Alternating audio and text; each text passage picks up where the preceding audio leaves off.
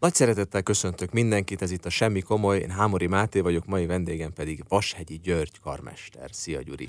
Szervusz, köszönöm a meghívást. Eh, meg köszönöm, hogy eljöttél. Eh, amikor jöttem idefele, akkor eszembe jutott, hogy amikor én zeneakadémista voltam, és ott az elején voltunk ennek az egész dolognak, az a 2000-es évek legeleje volt, akkor azért a te neved már ott, eh, mint egy ilyen titkos szekta profétájáé, azért ott állandóan terjedt a folyosón, hogy hogyha mi 19. század előtti zenével foglalkoztunk véletlenül karmesterképzőn, akkor mindig feljött, hogy na hát ez a vasegy, az ilyen régi zen, tényleg, és akkor elolvasott mindenféle iratot, és, a, és lehetett téged néha látni, átsuhanni az aulán, ilyen tüzes szemmel, általában rohantál valahova, és szervezted valószínűleg valamelyik együttesednek a fellépését, és ez az egészet átlengte egy ilyen forradalmi eh, hevület, már csak azért is, mert a Zeneakadémián hát semmilyen szinten akkor még nem volt jelen a, az a fajta régi zene játék, illetve az a fajta kritikai attitűd, amivel a régi kották és zenék felé viszonyulunk ma már, lehet mondani, hogy általánosan.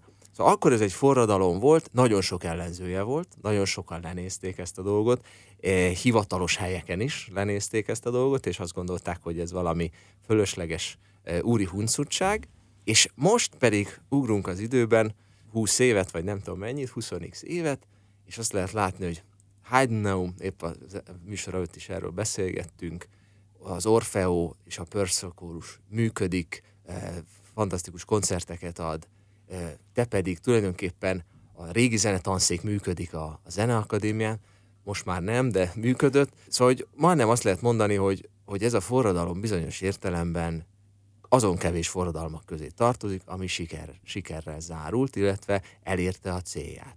Egyrészt kérdezem, hogy elérte a célját, és szoktál-e most, hogy nagy intézmények vezetője vagy, és most már nem kell folyosókon rohangálnod, eh, hogy össze tudjál nagy nehezen hozni egy előadást, mint sok-sok éven keresztül kellett, visszagondolni ezekre a hősi időszakokra, és hogy viszonyul a mostani éned ahhoz a forradalmár énhez, ami akkoriban volt. Eszedbe szokott jutni ez az időszak? Hogyne, nagyon hosszú a kérdés, és összetett, de természetesen eszembe szokott jutni, és ugye egy nappal sem szeretnék fiatalabb lenni, tehát ezzel azt szeretném mondani, hogy nagyon hálás vagyok a Jóistennek mindenért, amit kaptam meg az egész életemért, nagyon hálás vagyok ennek minden aspektusáért, szüleimért, csodálatos családomért, feleségemért, gyerekeimért, a zenéért, zenéért amelyel foglalkozhatom, nagyon harcias, év, harcos évtizedek állnak mögöttünk valóban, és nagyon sok nehézséget kellett küzdenünk. Azt nem érzem egyébként, hogy a régi zene Magyarországon bármilyen vonatkozásban áttört volna. Nyilván mi, a mi együtteseink, a Pörcelkorus és az Orfeó zenekar nagyon sokat dolgozhattunk, Édesapám, aki állami díjas villamosmérnök volt, ő automatizálta a Paksi atomerőmű 3-as 4-es blokkját. Ő mondta mindig, hogy az a legfontosabb, hogy az ember eleget dolgozhasson kitartóan, folyamatosan dolgozhasson valami. Ezt te megszerezted magadnak. Igen, ez, és ez, ez azóta is, ez a tanács elkísér, és hála jó Istennek sokat dolgozhattunk, dolgozhatunk, és mindig újabb feladatok vannak. A régi zene előadásmódja, ugye eleve a régi zene kérdést, fogalmat, azt általában föl szokták nekem tenni ezt a kérdést, hogy mit értek régi zene alatt. Nekem előre egy elég radikális véleményem van, tehát szerintem régi zene minden, amikor a zeneszerző már nem él. Tehát Petrovics, Emil vagy Szokolai Sándor már ugyanúgy régi zene, mint Monteverdi. Nyilván van különbség olyan értelemben, hogy Monteverdi-től nincsenek hanglemezfelvételeink, még mondjuk a, nem olyan nem, nem régiben eltávozó zeneszerzőktől vannak, de a legfontosabb, hogy is mondjam csak számomra a legfontosabb kritérium az közös, hogy nem tudjuk őket megkérdezni dolgokról. Tehát a kívülálló, ugye, ezt gondolom te is tapasztalod, a kívülálló úgy látja, azt hiszi, hogy minden le van írva a kottába, és hát csak el kell játszani, és minden adott.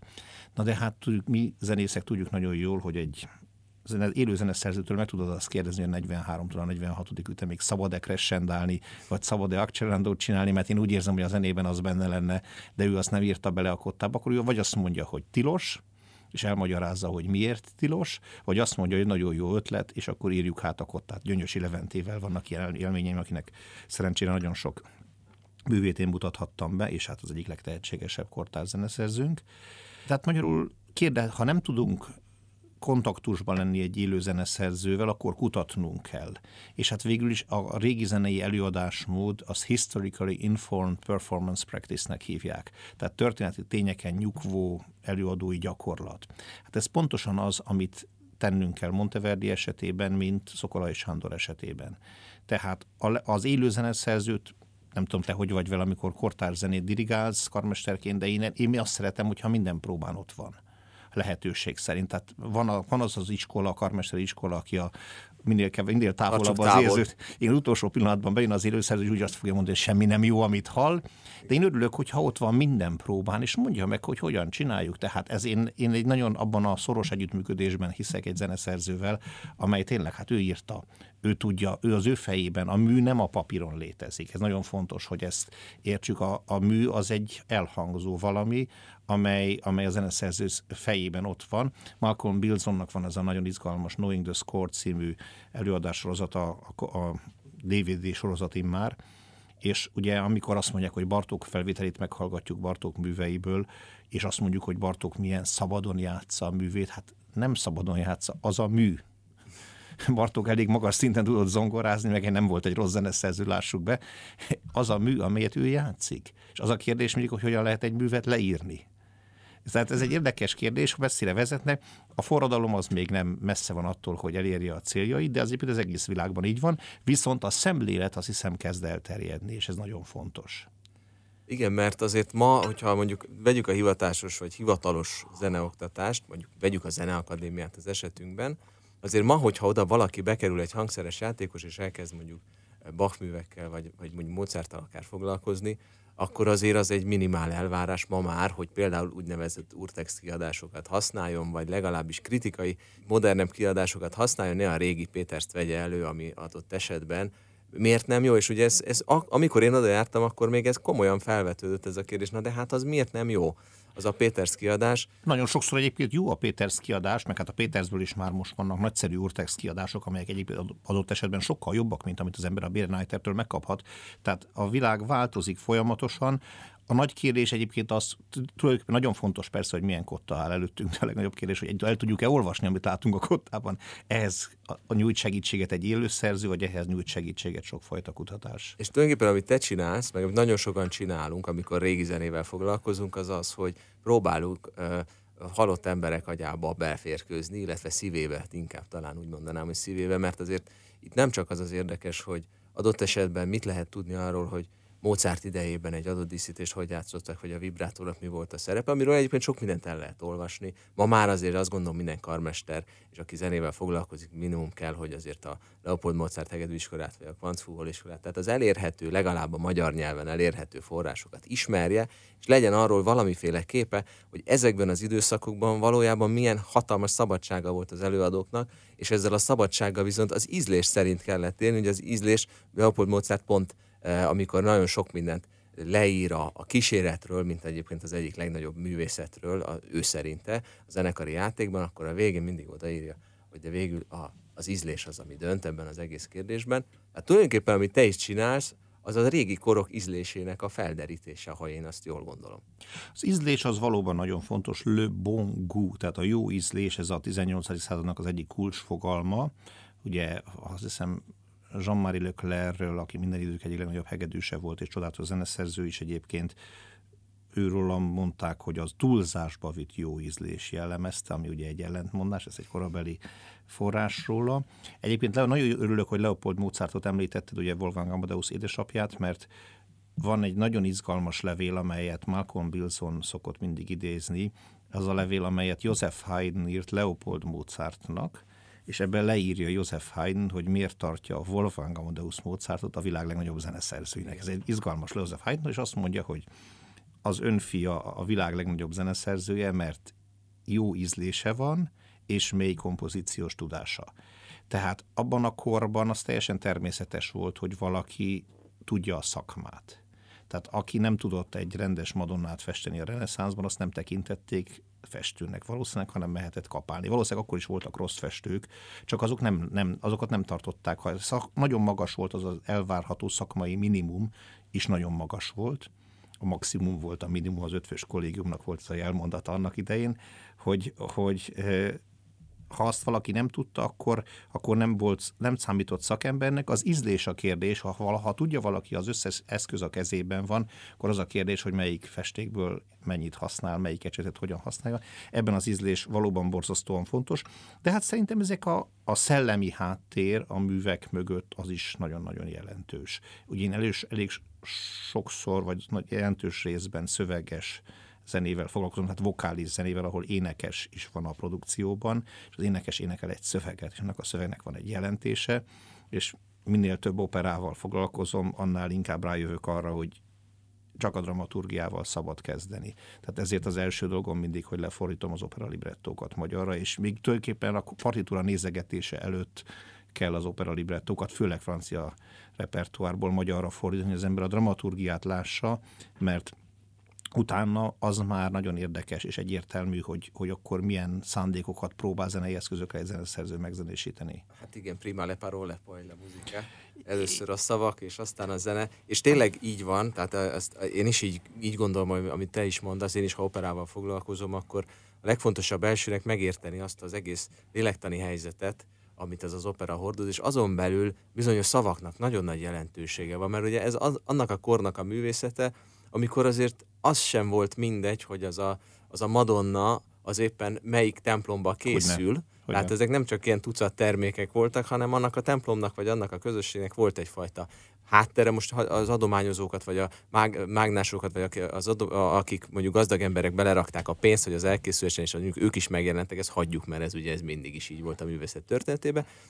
De mondjuk egy-egy részletnek bizony olyan jelentősége lehet, és ez a zenében pontosan így van, egy-egy szónak olyan jelentősége lehet, akárha csak most Bach, Bach-tól indul a te pályád, és valahol azt mondtad, hogy Bach miatt lettél. Hát természetesen. Ez... Zenesze, vagy zeneszerző, karmester. Hát zenész, zenész, zenész, Bach miatt lettem, igen. És azt hiszem talán az első koncerteden is, amikor még csak 16 éves voltál, egy Bach kantátát, talán a, a Chris Lagintól. Hát sokan, ha jól tudom, sok karmesternek indult a pályája azzal a darabbal, tehát ez egy, egy mágikus darab. Igen, ki, ki még? Ez érdekes. Hát most így megfogtál, de azt hiszem többen, tehát azt tudom, hogy a Máté Passió az például Furtwänglerre is az hatott nagyon, nekem a régi nagyok közül messze őt tartom a legtöbbre, ő, ő áll hozzám a legközelebb, és, és nagyon nagy tisztelője vagyok annak. Egyébként most kicsit csapongunk a beszélgetésben, de kotta hűség, meg, meg ilyenfajta kérdések. Tehát szerintem, amikor Furtwängler egy Brahms szimfóniát csinál, arra azt szokták ma mondani, hogy hát az a nagyon szubjektív előadás, és a szabad. Szerintem az abszolút kotta hű. Csak ő el tudja olvasni pontosan azt, amit a kottában lát. És, a, és az Furtwängler zseniális és felülmúlhatatlan szabadsága, mert ez kicsit kívül egy hatalmas szab, előadói szabadság, amely azonban tökéletesen organikus mindig, az a kotta mély értelmezéséből indul ki. Tehát ő pontosan tudja, hogy mi van odaírva, csak nem mindegyik kortársa értette már azt, hogy ott, ott Brahms mit írt abban mondjuk a harmadik szimfóniában, miért azt írt, amit akart, de most vissza a dologhoz, tehát a, nagyon fontos mindenki számára azt hiszem, hogy milyen zenék fogják meg őt annyira, és hát mondjuk a Chris Lagin Deszbandon egy olyan szempontból könnyen előadható Bachon, tehát hogy nem kellenek bele fúvósok, és, és előadható csak kórusra, és minden tételt a kórus énekli, és, és fonósok vannak benne. Ez egy fiatalkori, 22-23 éves kori Bach kantálta. De te 16 voltál, és ez akkor hogy, hogy jött össze egyáltalán? Hogy tudtad összeszervezni? Mert én is csináltam, én, én mondjuk idősebb voltam, már 18 voltam, amikor el, az első zenekaromat megszerveztem, de hát az örök élmény, hogy micsoda kinkeserv és siralom, mire összejött nekem, hogy ingyen ott jöjjenek és muzsikáljanak a, a zenészek, azt először az első próbánkon volt egy fúvola, meg egy brácsa, azt hiszem, hogy Schubert szimfóniát próbáltunk, és akkor szépen lassan bejöttek, de ez, hogy ez, ez egy kemény dolog. 16 évesen hogy tudtad összehozni? Hát más idők voltak, tehát azért ne felejtsd el, hogy én 1986-ban voltam 16 éves, akkor itt voltunk a tulajdonképpen reménytelenül örökkévalónak tűnő szocializmus kellős közepén, tehát 88-ban, amikor én érettségiztem, biztos voltam benne, hogy az egész életemet abban a nem túlságosan szimpatikus diktatúrában, Ma ugye sokan dobálóznak ezzel a szóval, de aki élt abban az időben, és mondjuk járt az NDK-ba, vagy hát mondjuk vagy más, édesapám Moson Magyaróvárit, az ő gimnáziumi osztályából lőttek alul nagyon sokakat az 50, 56-os Moson Magyaróvári sortűzben. Tehát akik éltünk abban, hozzánk, én piarista diák voltam, hozzánk a, a belügyiek küldték ki a civil ruhás nyomozókat, provokatív kérdéseket föltenni osztályfőnök a 80-as évben, hiszen mi a rendszer potenciális ellenségeinek számítottunk katolikus egyházi iskola diákjaiként. Tehát az egy olyan korszak volt, amikor azért nagyon más volt a világ, és hát például létezett a vasfüggöny, és a vasfüggönynek elsősorban negatívumai voltak, de voltak olyan fajta pozitív hatásai is, hogy az ember tudta, hogy az életét ebben az orsz világban kell elképzelnie. Ha például nem vettek volna fel a Zeneakadémiára, az rám nézve sokkal nagyobb csapás lett volna, mint mondjuk a te generációt számára. Mert itt már nagyon sokat változott a világ, és megint csapongok, hogy a mai zeneoktatásnak, a magyarországi zene, hivatásos zenészképzésnek az egyik nagy problémája, hogy leomlott a lélektani vasfüggöny. És most már a legtehetségesebb emberek bárhová elmehetnek, 18 évesen is, vagy ne Isten, még, even, még, még korábban. Tehát ezért kell versenyképes oktatást biztosítanunk itthon, mert különben el fognak menni. Említetted, hogy édesapád osztálya Mosó-Magyaróvári sortűz, ugye azt, azt tudjuk rólad, vagy hát lehet tudni, és most is megemlítetted, hogy a piaristákhoz jártál, de ugye ettől függetlenül, vagy ennek ellenére is valódi és megélt hited van, katolikus vagy, és, és, és a hit és a zene nálad nagyon összekapcsolódik. Talán Bach sem véletlen. Tehát Persze, tehát ez, én azt szoktam mondani, hogy azért vagyunk borzasztó szerencsések mondjuk zenészek, akik zenével foglalkozhatunk, vagy akik különösen egyházi zenével foglalkozhatunk, és, és ennek az ilyen egészen zseniális művészetével, mint Johann Sebastian Bach, hogy nekünk megadatik az, ami szerintem egy festőnek sem, vagy egy szobrásznak sem, és festő és szobrász barátaimmal beszélgetve az a benyomásom, hogy kicsit irigyelnek is minket emiatt, hogy végül is mi a munkánkon keresztül azt szoktam mondani, hogy a Jóisten szemében nézhetünk gyakorlatilag bármikor. Ennek vannak egészen misztikus élményei is, de nekem volt ilyen élményem 1987 augusztusában hallottam életem legnagyobb koncertélményét, egy olyan Máté Passiót Stuttgartban Helmut Rilling vezényletével, ahol meg tudom mutatni a partitúrának melyik pontját. A Liederhalléban volt Stuttgartban ez a koncert, ahol gyakorlatilag megállt az idő. És és hát utána nagyon érdekes volt, mert ez már eléggé közel volt a hosszú darabnak a végéhez, és, a, és hát utána három percig senki nem mozdult a teremben az utolsó akkord után, és utána ezer ember halálos csöndben kiment, nem volt taps, semmi. Tehát a valaminek érzett valamit, és arra emlékszem, egy nyár, nyári este volt, és arra emlékszem, hogy a Liderhallinak a, a meleg parkolójában, a, amikor az emberek ott a, a fák alatta mentek a kocsiuk felé, akkor kezdtek el halkan beszélgetni az emberek. Tehát van ilyen élmény, ami, ami, ami életre szóló. És hát ezt próbáljuk újra, újra megtalálni, vagy hát újra kreálni. Ez az élmény, ami, amit ugye sokan mindig kérdezik tőlem, vagy merik kérdezni, vagy, vagy csak úgy sejtetik, hogy de mi a, mi a jó ebbe, hogy a klasszikus zene és hogy egyáltalán. És mindig ebből az aspektusból próbálom megvilágítani, hogy ott, ott van 800 ember, vagy 1000 ember együtt egy teremben, teljesen idegenek, semmi közük nincs egymáshoz, és akkor lesz egy olyan pillanat, egy, egy, amikor ez a sok független ember, akinek mindenféle jár az agyába, egyszerre lesz csöndben, és érezzük, hogy összekapcsolódtunk. Hát természetesen, hát ez, ez a, a, a művészet nem, nagyon fontos szolgája vagy partnere a, a, a hitnek, ez, ez ezeknek az elszerzőknél teljesen evidens volt. Tehát, hogy mondani szokás Johann Sebastian Bach számára a Jóisten létezése ugyanolyan evidens volt, mint a hatos villamos a, a, az ablakán kinéző budapesti polgár számára. Igen, és bizonyos értelemben ez az aranykor, amivel te is foglalkozol, erre ez az egész ö, időszakra mondjuk, mondjuk nagyságrendel 200 évre, azért ez igaz, hogy egyfajta koherencia volt, mind világnézetileg, mind abban, hogy az ember hova kapaszkodjon, amikor, amikor alkot, sőt a művészetét hova tegye, és hogy egy nagyon hasznos dolog, hogy mindig volt följebb valaki.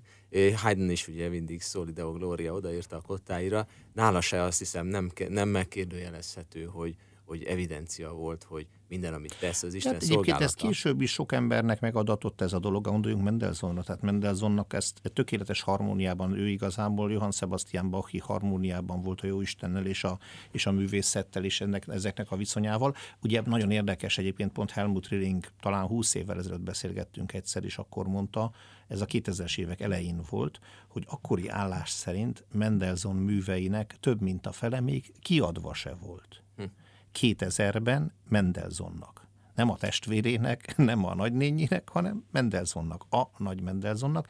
Ugye ő a náciknak zsidó volt, a DDR-nek keresztény, tehát halmozottan hátrányos helyzetű szeneszerző, és hát egy zseni volt, aki egyébként ezt a fajta rég, ő egyfajta unok, Bach unokának tekintette saját magát, az, az öreg Bach unoká, zenei vagy szellemi unokájának. Igen, és hát ő ilyen értelemben az egyik elődje a régi zenészeknek. Most a régi zenész szót azt tegyük idézőjelbe, de hát azoknak, akik, akik az életet keresik ebbe ezekben a régi dolgokban, mert talán a lényeg ennek az egésznek pont nem a papíríz, ami az én első történetemben, ugye azok, akik nem értették, vagy megkérdezik, miért és mi a jobb, hogy elolvas egy csomó kommentárt, meg, meg régi traktátust arról, hogy hogyan kell játszani. Hát a zene az nem így működik. De miközben a traktátus mögött és a kutatás mögött valójában pont az életkutatása van, olyan ez, mint egy ilyen természettudományos felfedezés, nem? Igen, és hát azért azt kell, hogy mondjam, én azért nem olvasok nem olvastam el annyi traktátust, mint amennyit Ez a illet, hír járta rólad. Mint amennyit illet volna, nem erről, én inkább a darabokban hiszek leginkább. Tehát abban, hogy a zene nagyon sok mindent elmond saját magáról, a mű nagyon sok mindent elmond, nyilván a kontextust érteni kell, aztán a hangszerek elmondanak nagyon sok mindent saját magukról. Sajnos az énekeseket nem tudjuk klónozni, mert egyébként ez is egy nagyon érdekes kérdés lenne, hogy megtalálni ma keressük azoknak a régi nagy énekeseknek a, a reinkarnációit, akik számára nagy szerepeket írtak, és ez egy nagyon izgalmas, óriási kihívás. Párizsi Operaház 1668-ban vagy 69-ben alapította 14. Lajos. Tehát amikor Ramó meghalt, akkor már száz éves volt az intézmény. Most a 350 valahanyadik évadjánál tart. Elképesztő kontinuitás, és itt, itt azért egészen, egészen mást jelent az elődök munkájára való, munkájának a továbbfejlesztése.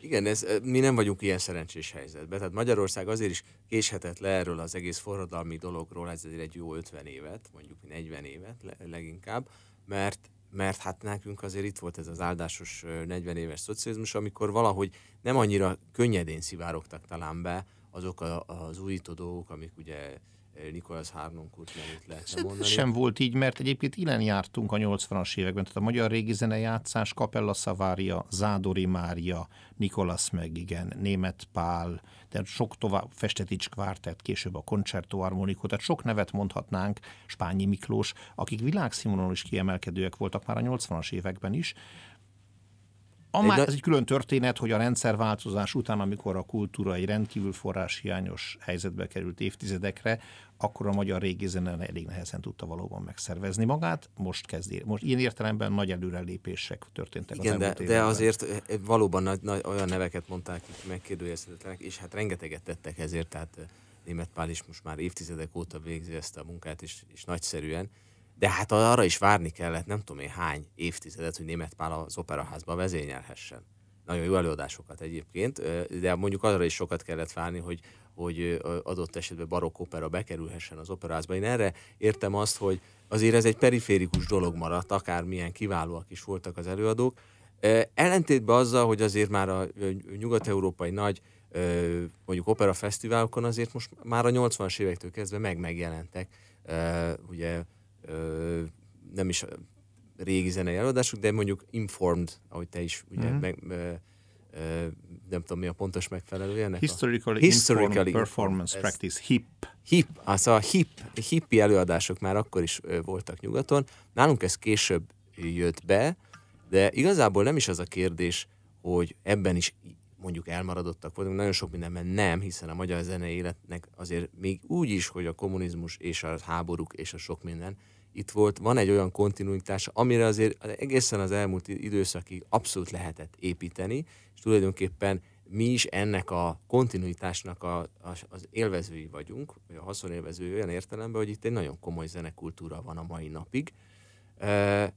De a kérdés az, hogy az, amivel te foglalkozol, és ezek a, ezek a fantasztikus kincsek, mert tulajdonképpen ez egy ilyen kincsvadászat. Tehát most beszélgettünk itt az Eszterházi hagyatékról még a műsor előtt, hogy Magyarországon van az Eszterháziaknak ugye a hagyatékát leginkább a Szépművészeti Múzeum kapcsán ismerik az emberek, mert ott az Eszterházi gyűjtemény képezi a nagy állandó gyűjteménynek az alapját. Tehát tudjuk, hogy az Eszterháziak milyen fantasztikus festőket, képeket, stb. gyűjtöttek.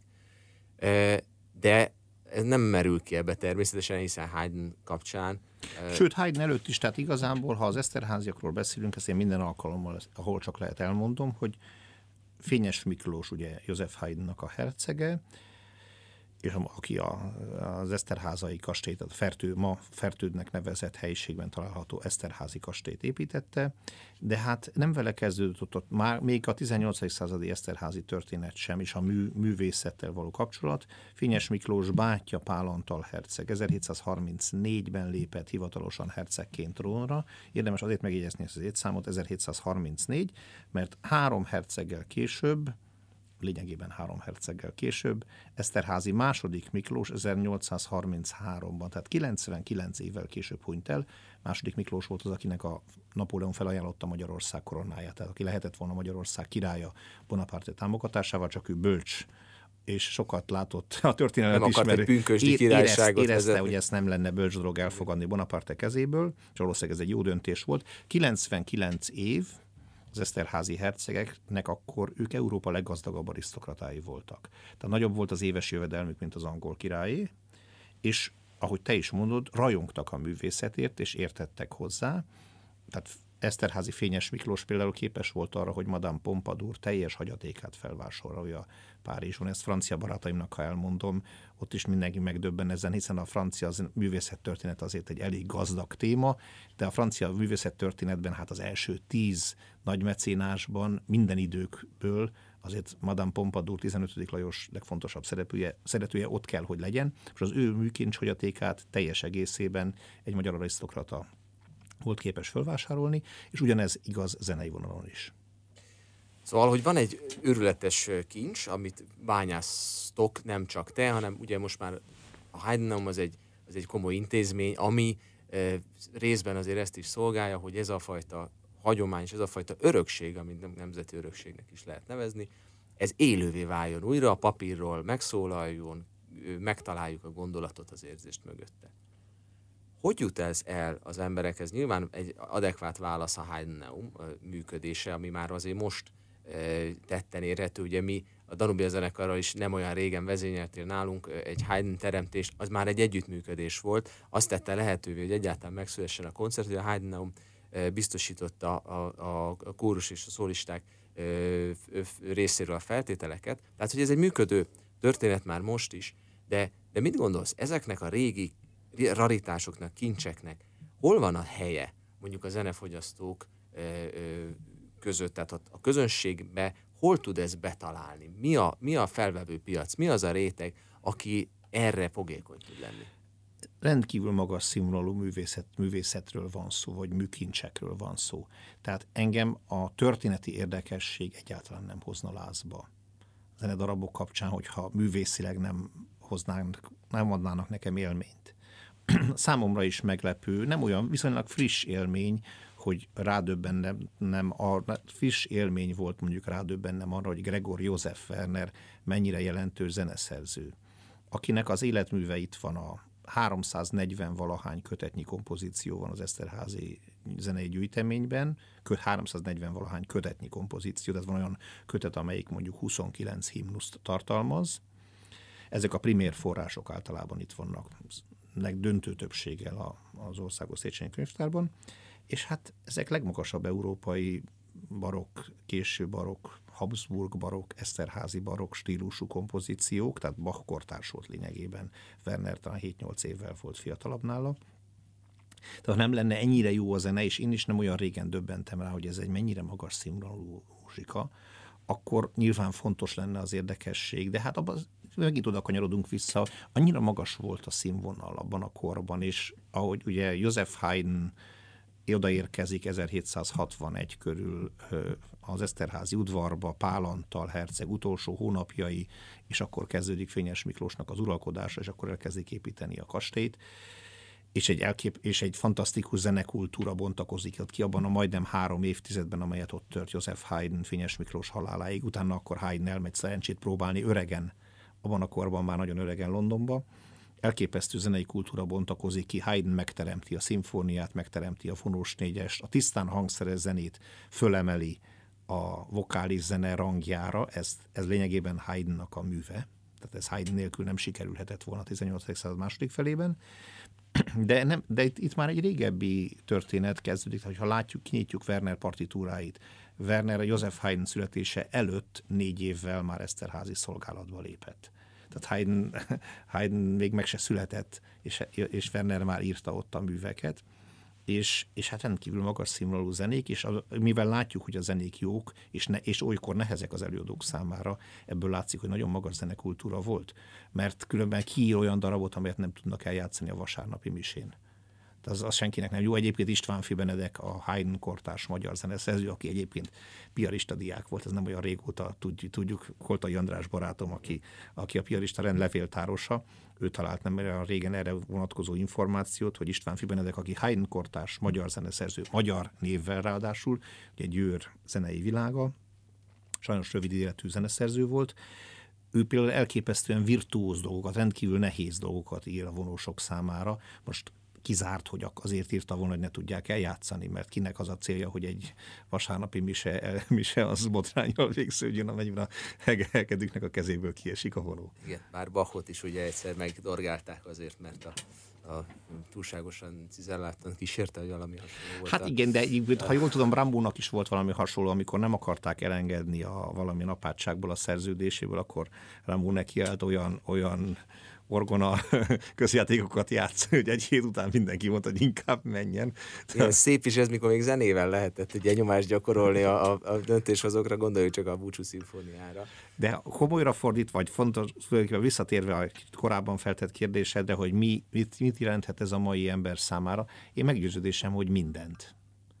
Tehát enélkül nem érdemes élni, és a klassz, ugye az, hogy mennyi borzalmas zene szól mindenhol, félreértés ne essék, nem a könny, úgynevezett könnyű zene ellen vagyok, hanem a rossz, gyenge minőségű zene ellen vagyok, legyen szó akár klasszikus zenéről, akár könnyű zene.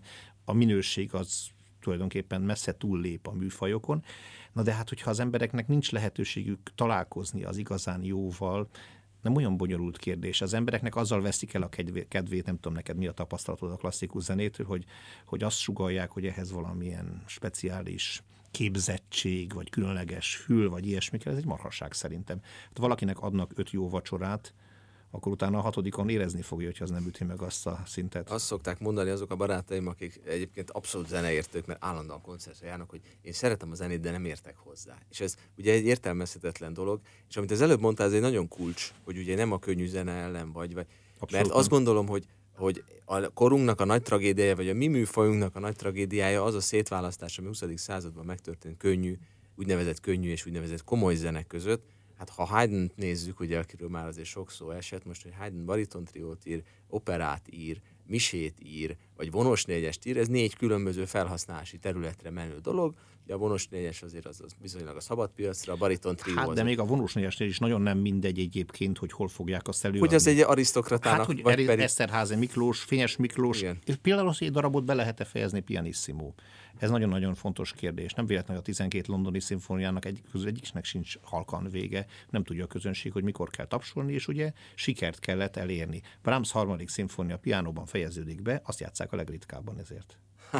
Igen, ez egy jó, ez egy jó megközelítés, ezen még nem is gondolkodtam, de így van. Egyébként, amikor műsort állítok össze, megnézem én is ezt, való és igaz.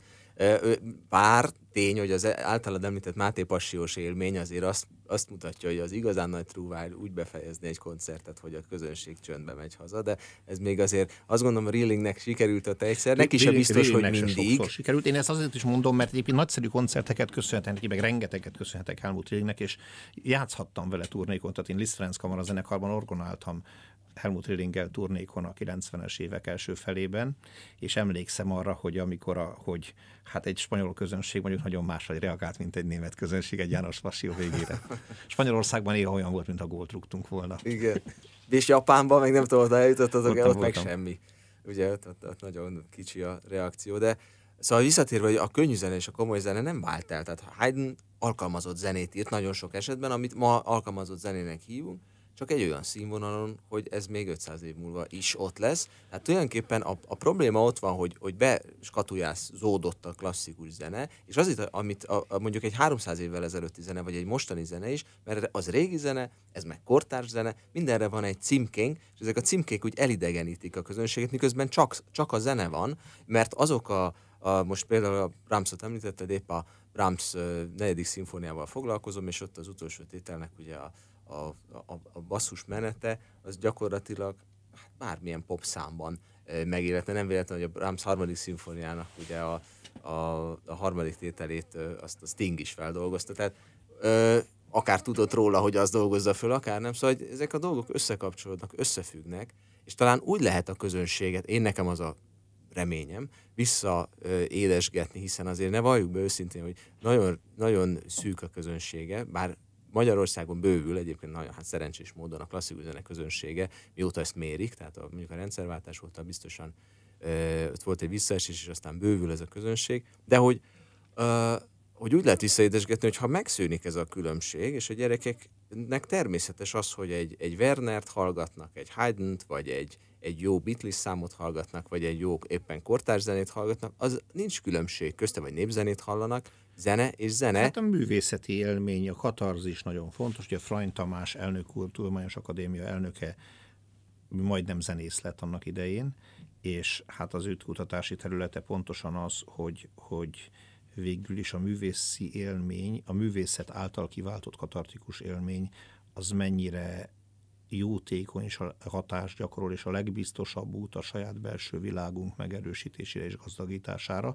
És ugye Kodály nagyon érdekesen megfogalmazott, hihetetlen éles szemmel és profétikusan megfogalmazó dolgokat az 50-es, 60-as években is, meg korábban is, és ugye sok mindent mondott, az egyik kedvent, kedvelt Kodály idézetem az az, hogy a, a elgépi esedőkorunkban fennáll a veszély, hogy az ember géppé válik, ugye gondoljunk most a, a kütyükre, amelyeket mindannyian nyomkodunk, és mit szólna most ehhez Kodály, ugye ezt 60 évvel vagy 50 évvel ezelőtt mondta, és az géppé vállás ellen az egyedül az ének szelleme védhet meg, mondta Kodály, és ugye Kodály idézett valamit, ami elnök úrnak és Freund elnök úrnak is azt hiszem egy kedves gondolata, ő, szok, ő szokta fölhívni nekem a figyelmemet arra, hogy, hogy ugye a tudománynak a tudásáról mindig tudjuk pontosan, hogy meddig tart folyamatosan tágulnak a tudományok, a tudományos kutatásnak a határai, de mindig tudjuk, hogy van egy pont, amely eddig elér a jelen tudásunk. És elnök úrnak a meggyőződése, hogy a művészi, a, katartiku, a katarzis által adott inspiráció, szellemi inspiráció adja meg neki például kutatóként az, hogy merre menjen tovább. Tehát és Kodály ezt valahogy úgy fogalmazta meg, hogy, hogy mi, van túl, mi van a falon túl, azt a művészet, művészet mutatja meg nekünk. De a tudomány és a művészet kapcsolata ezért, ezért egyik, egyik sem nélkülözheti a másikat. Ezt abszolút egyetértek, illetve hát én is ezt kaptam otthonról, mert az én édesapám is agykutató volt, Frany Tamáshoz hasonlóan, és nagyon hasonló volt erről a gondolkodásuk is. Hát mi is otthon azt kaptuk, hogy tudós szülők gyerekeként nőttem föl, de mint ahogy te is természettudományos háttérből Igen. jössz. De hogy egyrészt az, hogy a tudomány nem tud mindenre választ adni, az egy evidencia volt, és hogy amire nem tud választ adni, arról sokkal többet mond el a művészet, mint bármi más, ami a megtapasztalható világból, hiszen van a nem megtapasztalható világ, vagy a kegyelemnek a, a, a köre, ami néha találkozik, mint egy ilyen Máté Passió koncert. A művészet, művészet az biztosan át tud oda vinni, és, és ebből nem, hát nem véletlenül, hogy anélkül nem születhettek volna meg ezek a remek művek, ez elég biztos. És ha már szóba kerültek a szülők, meg a gyökerek, meg hogy az ember hova, honnan hova, tehát ki volt a híd előtted, és te hova leszel híd.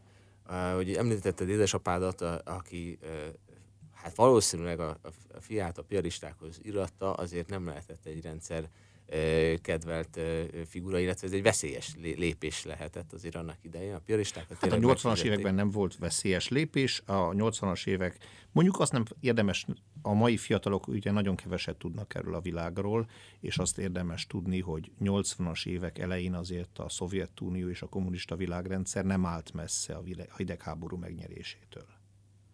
A 80-as évek első felében, aztán ezt megroppantották bizonyos dolgok, Ronald Reagan, Margaret Thatcher, második János Pál pápa, és sok minden tendencia a világban, de 80-as évek elején ez nem volt még lefutott ügy, hogy ki fogja megnyerni ezt a, ezt a harcot és a 80-as években azért már nem volt ez olyan fajta kockázat, mint mondjuk a 70-es években, vagy a 60-as években esetleg.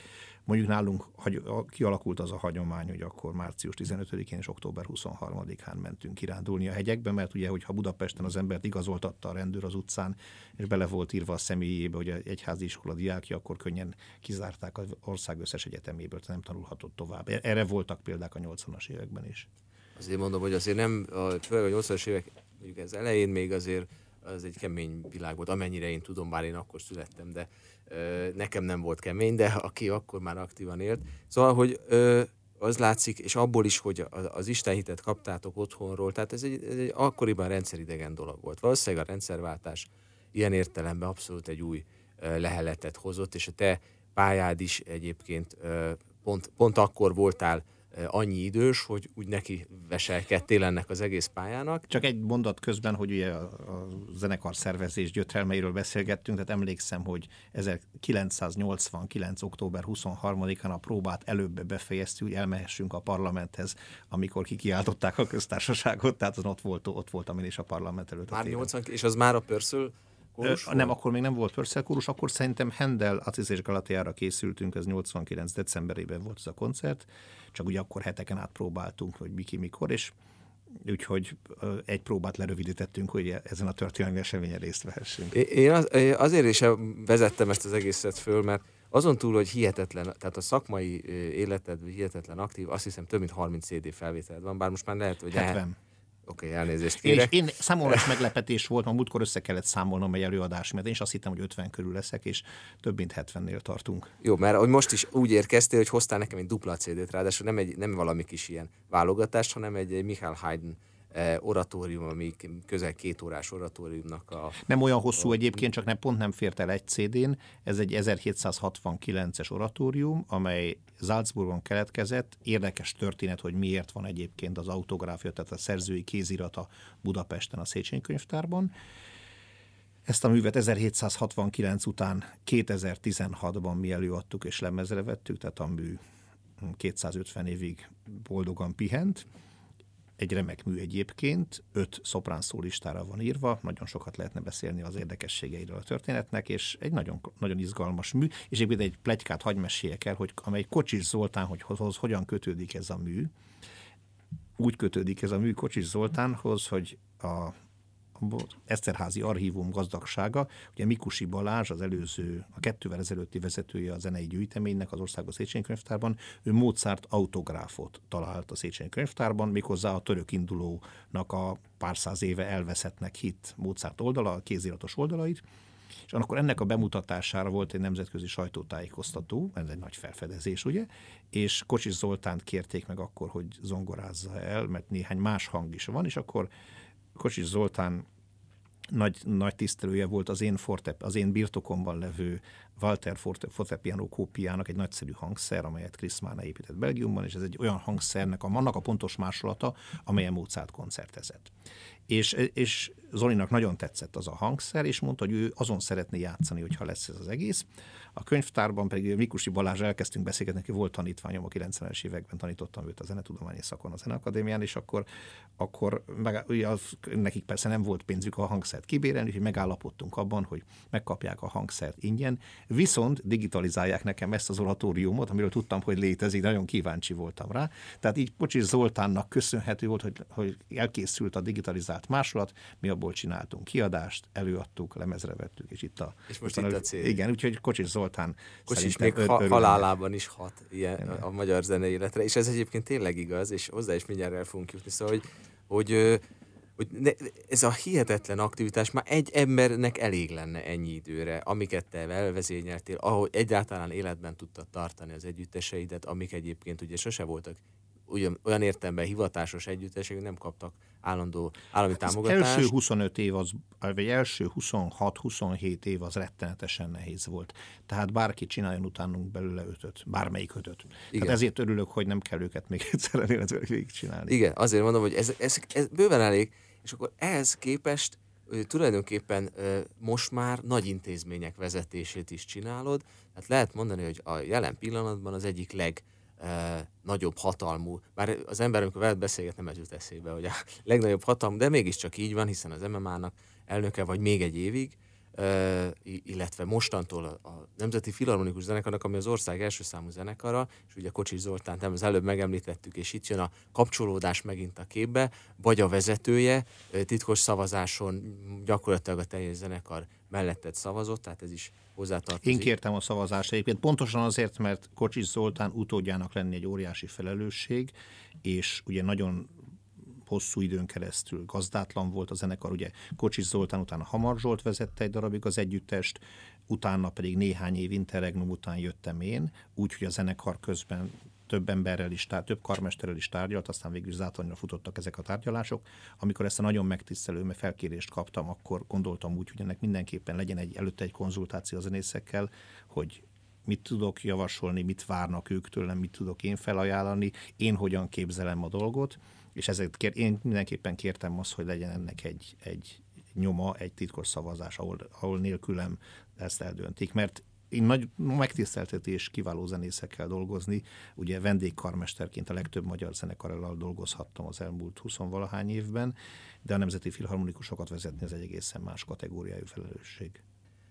Így van, és ezt szerintem nagyon bölcsen is tetted, és azért az elmúlt évek vezetői rutinja és bölcsessége látszik ebben a szavazásban, hiszen ez embernek így van egy olyan szakmai háttere, ami egyébként, és erre akartam kiukadni, függetlenül attól, hogy, hogy olyan nagy intézményeket vezetsz, amik, amik gyakorlatilag lehet azt mondani, hogy ezek már politikai szintű intézmények lennének normál esetben.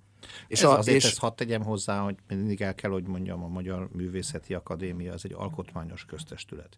Tehát ugyanúgy, ahogy a Magyar Tudományos Akadémia, mi alkotmányos intézmény vagyunk, nem politikai intézmény. Tehát a mindenkori kormányzatnak együttműködő partnerei és támogatói vagyunk az adott szakmai területünkön. Magyar Tudományos Akadémia felelős a magyar tudomány múltjáért, jelenéért, jövőért, ezt neked nem kell bemutatnom. Magyar Művészeti Akadémia ugyanezt a felelősséget viseli, a művészet vonatkozásában, tehát ez egy, ezek alkotmányos intézmények, és úgy érzem, hogy a magyar világ jobbátételéhez nagyon fontos, hiszen a szellemi téren van a magyar jövő mindenképpen, hiszen az anyagi erőforrásaink legalábbis Trianon óta biztosan nagyon-nagyon korlátozottak.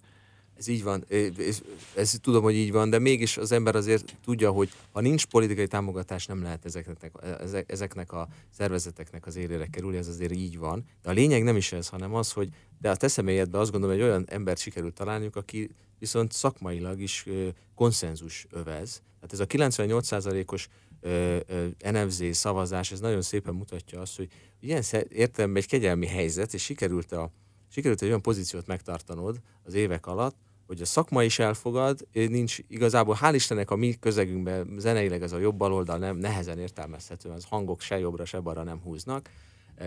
Szerencsésebb a helyzet, mint mondjuk a színházi közegben, és, és mégiscsak van egy bizalom, és te is önazonos tudtál maradni, ezért hoztam be a piaristákat, ezért hoztam be az Istenhitet, alapvetően konzervatív gondolkodású ember vagy, aki ráadásul amit csinál, az is a konzervativizmusnak, a szónak a jelentéséről szól, méghozzá abban az értelemben, hogy nem csak megőrizni, hanem újraéleszteni valami régi dolgot.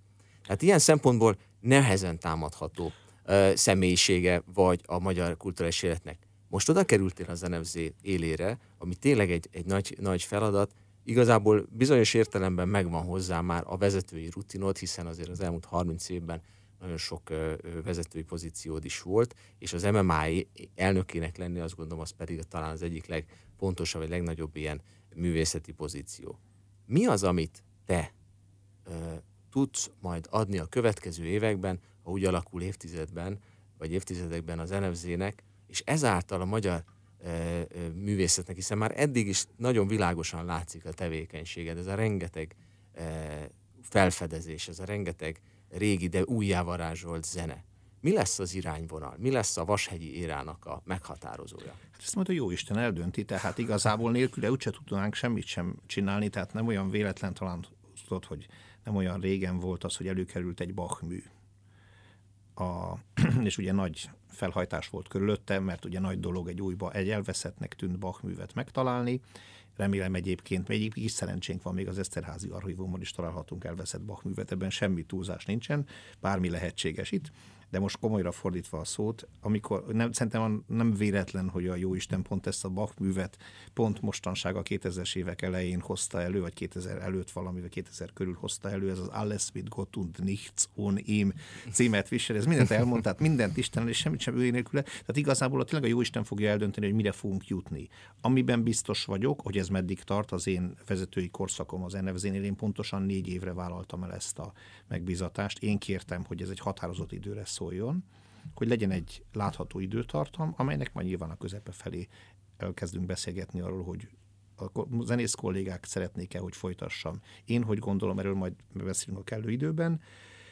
A legfontosabb az a minőség, tehát hogy magas színvonalon tudjunk működni, és minden, amit a Nemzeti Filharmonikusok zászlója és címer alatt megjelenik, az a létező leg, lehető legmagasabb művészi minőségben történjen kivétel nélkül, és én hiszek a zene által nyújtott inspirációban. Tehát én abban hiszek, hogy mi kölcsönösen, mi zenészek zene által tudjuk egymást inspirálni. Nem hiszek a diktatúrában, Nyilvánvalóan egy, nem egy demokratikus intézmény, egy zenekar, tehát megjutottam a kollégákat, hogy nem fogunk a próbákon szar rendszeresen szavazásokat tartani. Ez volt egy egyszerű alkalom az én személyemről, de legalább négy évig ez egy egyszerű alkalom. Resendáljunk, vagy ne tegye fel a vonóját. Nem, ne, ne, nyilvánvalóan nem, hát ez egy, ugye Napóleon mondta, ezt nem olyan régen hallottam, hogy, hogy egy rossz tábornok jobb, mint többet ér, mint két jó. És ez nagyon tetszett nekem ez a mondás, már csak azért is, mert én nagyon hasonlóképpen gondolkoztam már nagyon régóta, hogy Napóleon egyébként egy zseni volt, egy nagyon ellentmondásos személyiség, tehát nagyon sok nagy bűn is terheli szerintem Napóleon lelkét, de nem is ez a lényeg, hanem hogy, hogy én mindig azt szoktam kérni a zenész kollégáimtól, hogy amit ilyen instrukciót adok, azt én igyekszem világosan megfogalmazni, hogy mit szeretnék. Kérem, hogy száz százalékig hajtsák végig, végre. Tehát ne az legyen, hogy most valamiről nem derül ki, hogy azért nem derül ki, hogy jó instrukció volt vagy rossz, mert csak 60%-ig csináltuk meg, hanem derüljön ki, hogy jó vagy rossz, amit kérlek. Hogyha kiderül, hogy rossz, akkor elnézést fogok kérni, és megállapítom, hogy ez nem most nem jött be, és akkor csinálunk valami mást. De egy, egy ilyen értelemben egy autokratikus szervezet, egy zenekar, de ugyanakkor pedig, ha a zene által nem tudjuk egymást inspirálni, akkor úgyis régen rossz az egész. Tehát ennek ez az egyetlen út, amelyik előttünk áll. A zene minden, egyébként nem tudom, te a karmesterként hogy tapasztalod, én nekem az a benyomásom, hogy minden emberi konfliktusból is, mert sajnos az emberi konfliktusok teszik igazán nehezé. Nekem az a tapasztalatom a, a, az együttzenélést, tehát minden az emberi konfliktusokon tud elromlani, és Magyarország rengeteg, a Jóisten akaratából rengeteg tehetséges ember születik, de irtozatosan individualisták vagyunk. Tehát nagyon nehéz az együttműködést megteremteni, a közös érdek a közös célok miatt alárendelni az egyén, a közös célok elérésének alárendelni az egyéni sérelmeket ebben Magyarországon. Valószínűleg összefügg egyébként a tehetséggel ez a, ez a nagyon individualista világkép, meg nyilván a történelmi hagyományokkal is, tehát ez egy hosszú történet, hogy mi lehet mögötte, de az emberi konfliktusokból is mindig csak a zene és csak a minőség a kiút szerintem. Zárásként egy olyan téma, ami, amit már felvetettünk, ugye említettem a, a te gyökereidet, hogy honnan jössz ez a polgári abszolút vallásos Hogy édesapám háttér. egyébként első generációs értelmiségi volt, tehát ezt is hozzá kell tenni, tehát nekem a, a apai nagyapám, ő gyári munkás volt a Mofénban, és nagyon büszke vagyok rá. Igen, azt látom, hogy felderült az arcod, de ez abszolút ilyen, szóval az általában a, a, a, a homonous az, a, az, aki a kétszeres erővel fogja az ászlót és viszi előre. Tehát ez az én családomban is vannak ilyen történetek, és én is nagyon büszke vagyok rájuk, hogy nem kékvér folyik az ereimben messze, de hogy, hogy van a húgynak egy másik vége, ugye, amit mit, mit magunk után hagyunk, illetve amit tovább, kiviszi tovább a szerelmet, ezt mindig föl szoktam tenni ezt a kérdést, és itt te már felvetetted ezt a témát, az oktatás kérdését. Ugye ennek van két oldala is, de talán ami, ami a te tevékenységedhez jobban kapcsolódik így első körben, hiszen tanítottál a Zeneakadémián. 30 éve tanítok, tehát pont, pont idén 30 éve, nem olyan régen volt kereken 30 esztendő, hogy elkezdtem oktatni ott. Utolsó három évben fizetés nélkül szabadságon vagyok, mert már reménytelen volt összeegyeztetni a, a MMA-s munkámmal. Hogy hogy látod te ezt, az, ezt a részét a dolognak, hiszen azért ö, elmondhatjuk, mondtad, hogy a legnagyobb tragédiája a vasfüggöny leomlott, és tulajdonképpen... Nem, az nagyon jó, hogy nem, leomlott a nem vasfüggöny. ezt mondtad, nem ezt mondtad, nem, nem, a lélektani nem fogják kiragadni Vashegyi György szerint a legnagyobb baj a vasfüggöny leomlott.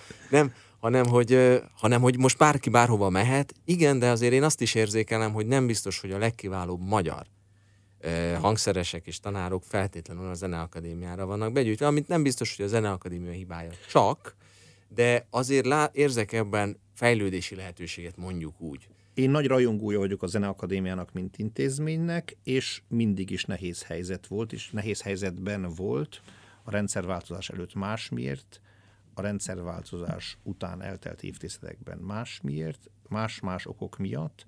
Én abban hiszek nagyon, hogy a magyar zenei életnek a problémáját, tehát ugye most a művészeti nevelést és a művészettel nevelést, ezt érdemes nagyon kell külön választani. A művészettel nevelés az a kodái koncepció, amelyet állatira félre szoktak érteni egyébként, mert mindenki azt gondolja, hogy az egész országból szolfésbajnokot akar. Itt kéne mindenki. Igen, de ez nem ezért van, ez a, ez a, ez a nagykutatói igen. tapasztalat, ugye, hogy a, a művészettel való találkozás az jobb emberré, tehát és agyi struktúráit kialakulásához felbecsülhetetlen értékű, de a hivatásos zenészek képzése, tehát a művészeti nevelés, mondjuk a zene, zeneművészeti nevelésnél, itt azt hiszem a működőképes magyari zenei életnek és a abszolút ö, up-to-date, magas színvonalú oktatásnak a szimbiózisa és az összehangolásán van a kulcs és szerintem ez lesz a következő éveknek a legfontosabb feladata. Én egyébként a, a Nemzeti Filharmonikusok élén ez az egyik a krédómnak egy nagyon fontos része.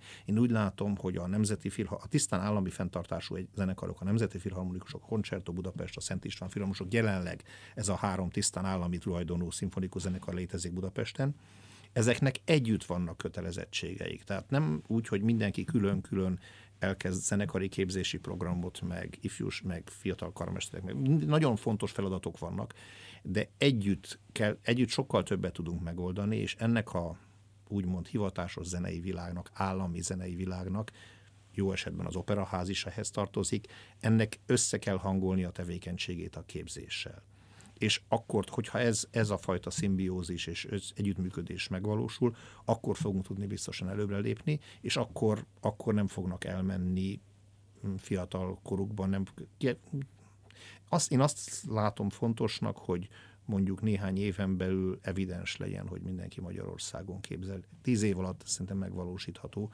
hogy a, azok a nagy tehetségek, akik most három, öt, hat, hét évesek, azok tíz év múlva, már azok számára tíz év múlva evidencia legyen, hogy Magyarországon képzelik el a jövőjüket az oktatás, a képzés folyamán is, amikor profi zenészé válnak, és utána Magyarországon tudnak dolgozni.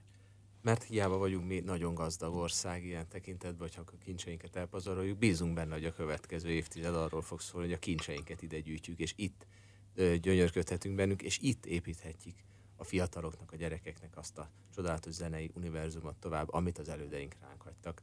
Vasegyi Györgynek nagyon szépen köszönöm a beszélgetést, és hogy sűrű idejéb, sűrű e, időbeosztásába be tudta ezt. Nagyon köszönöm a meghívást, örülök, hogy itt lettem.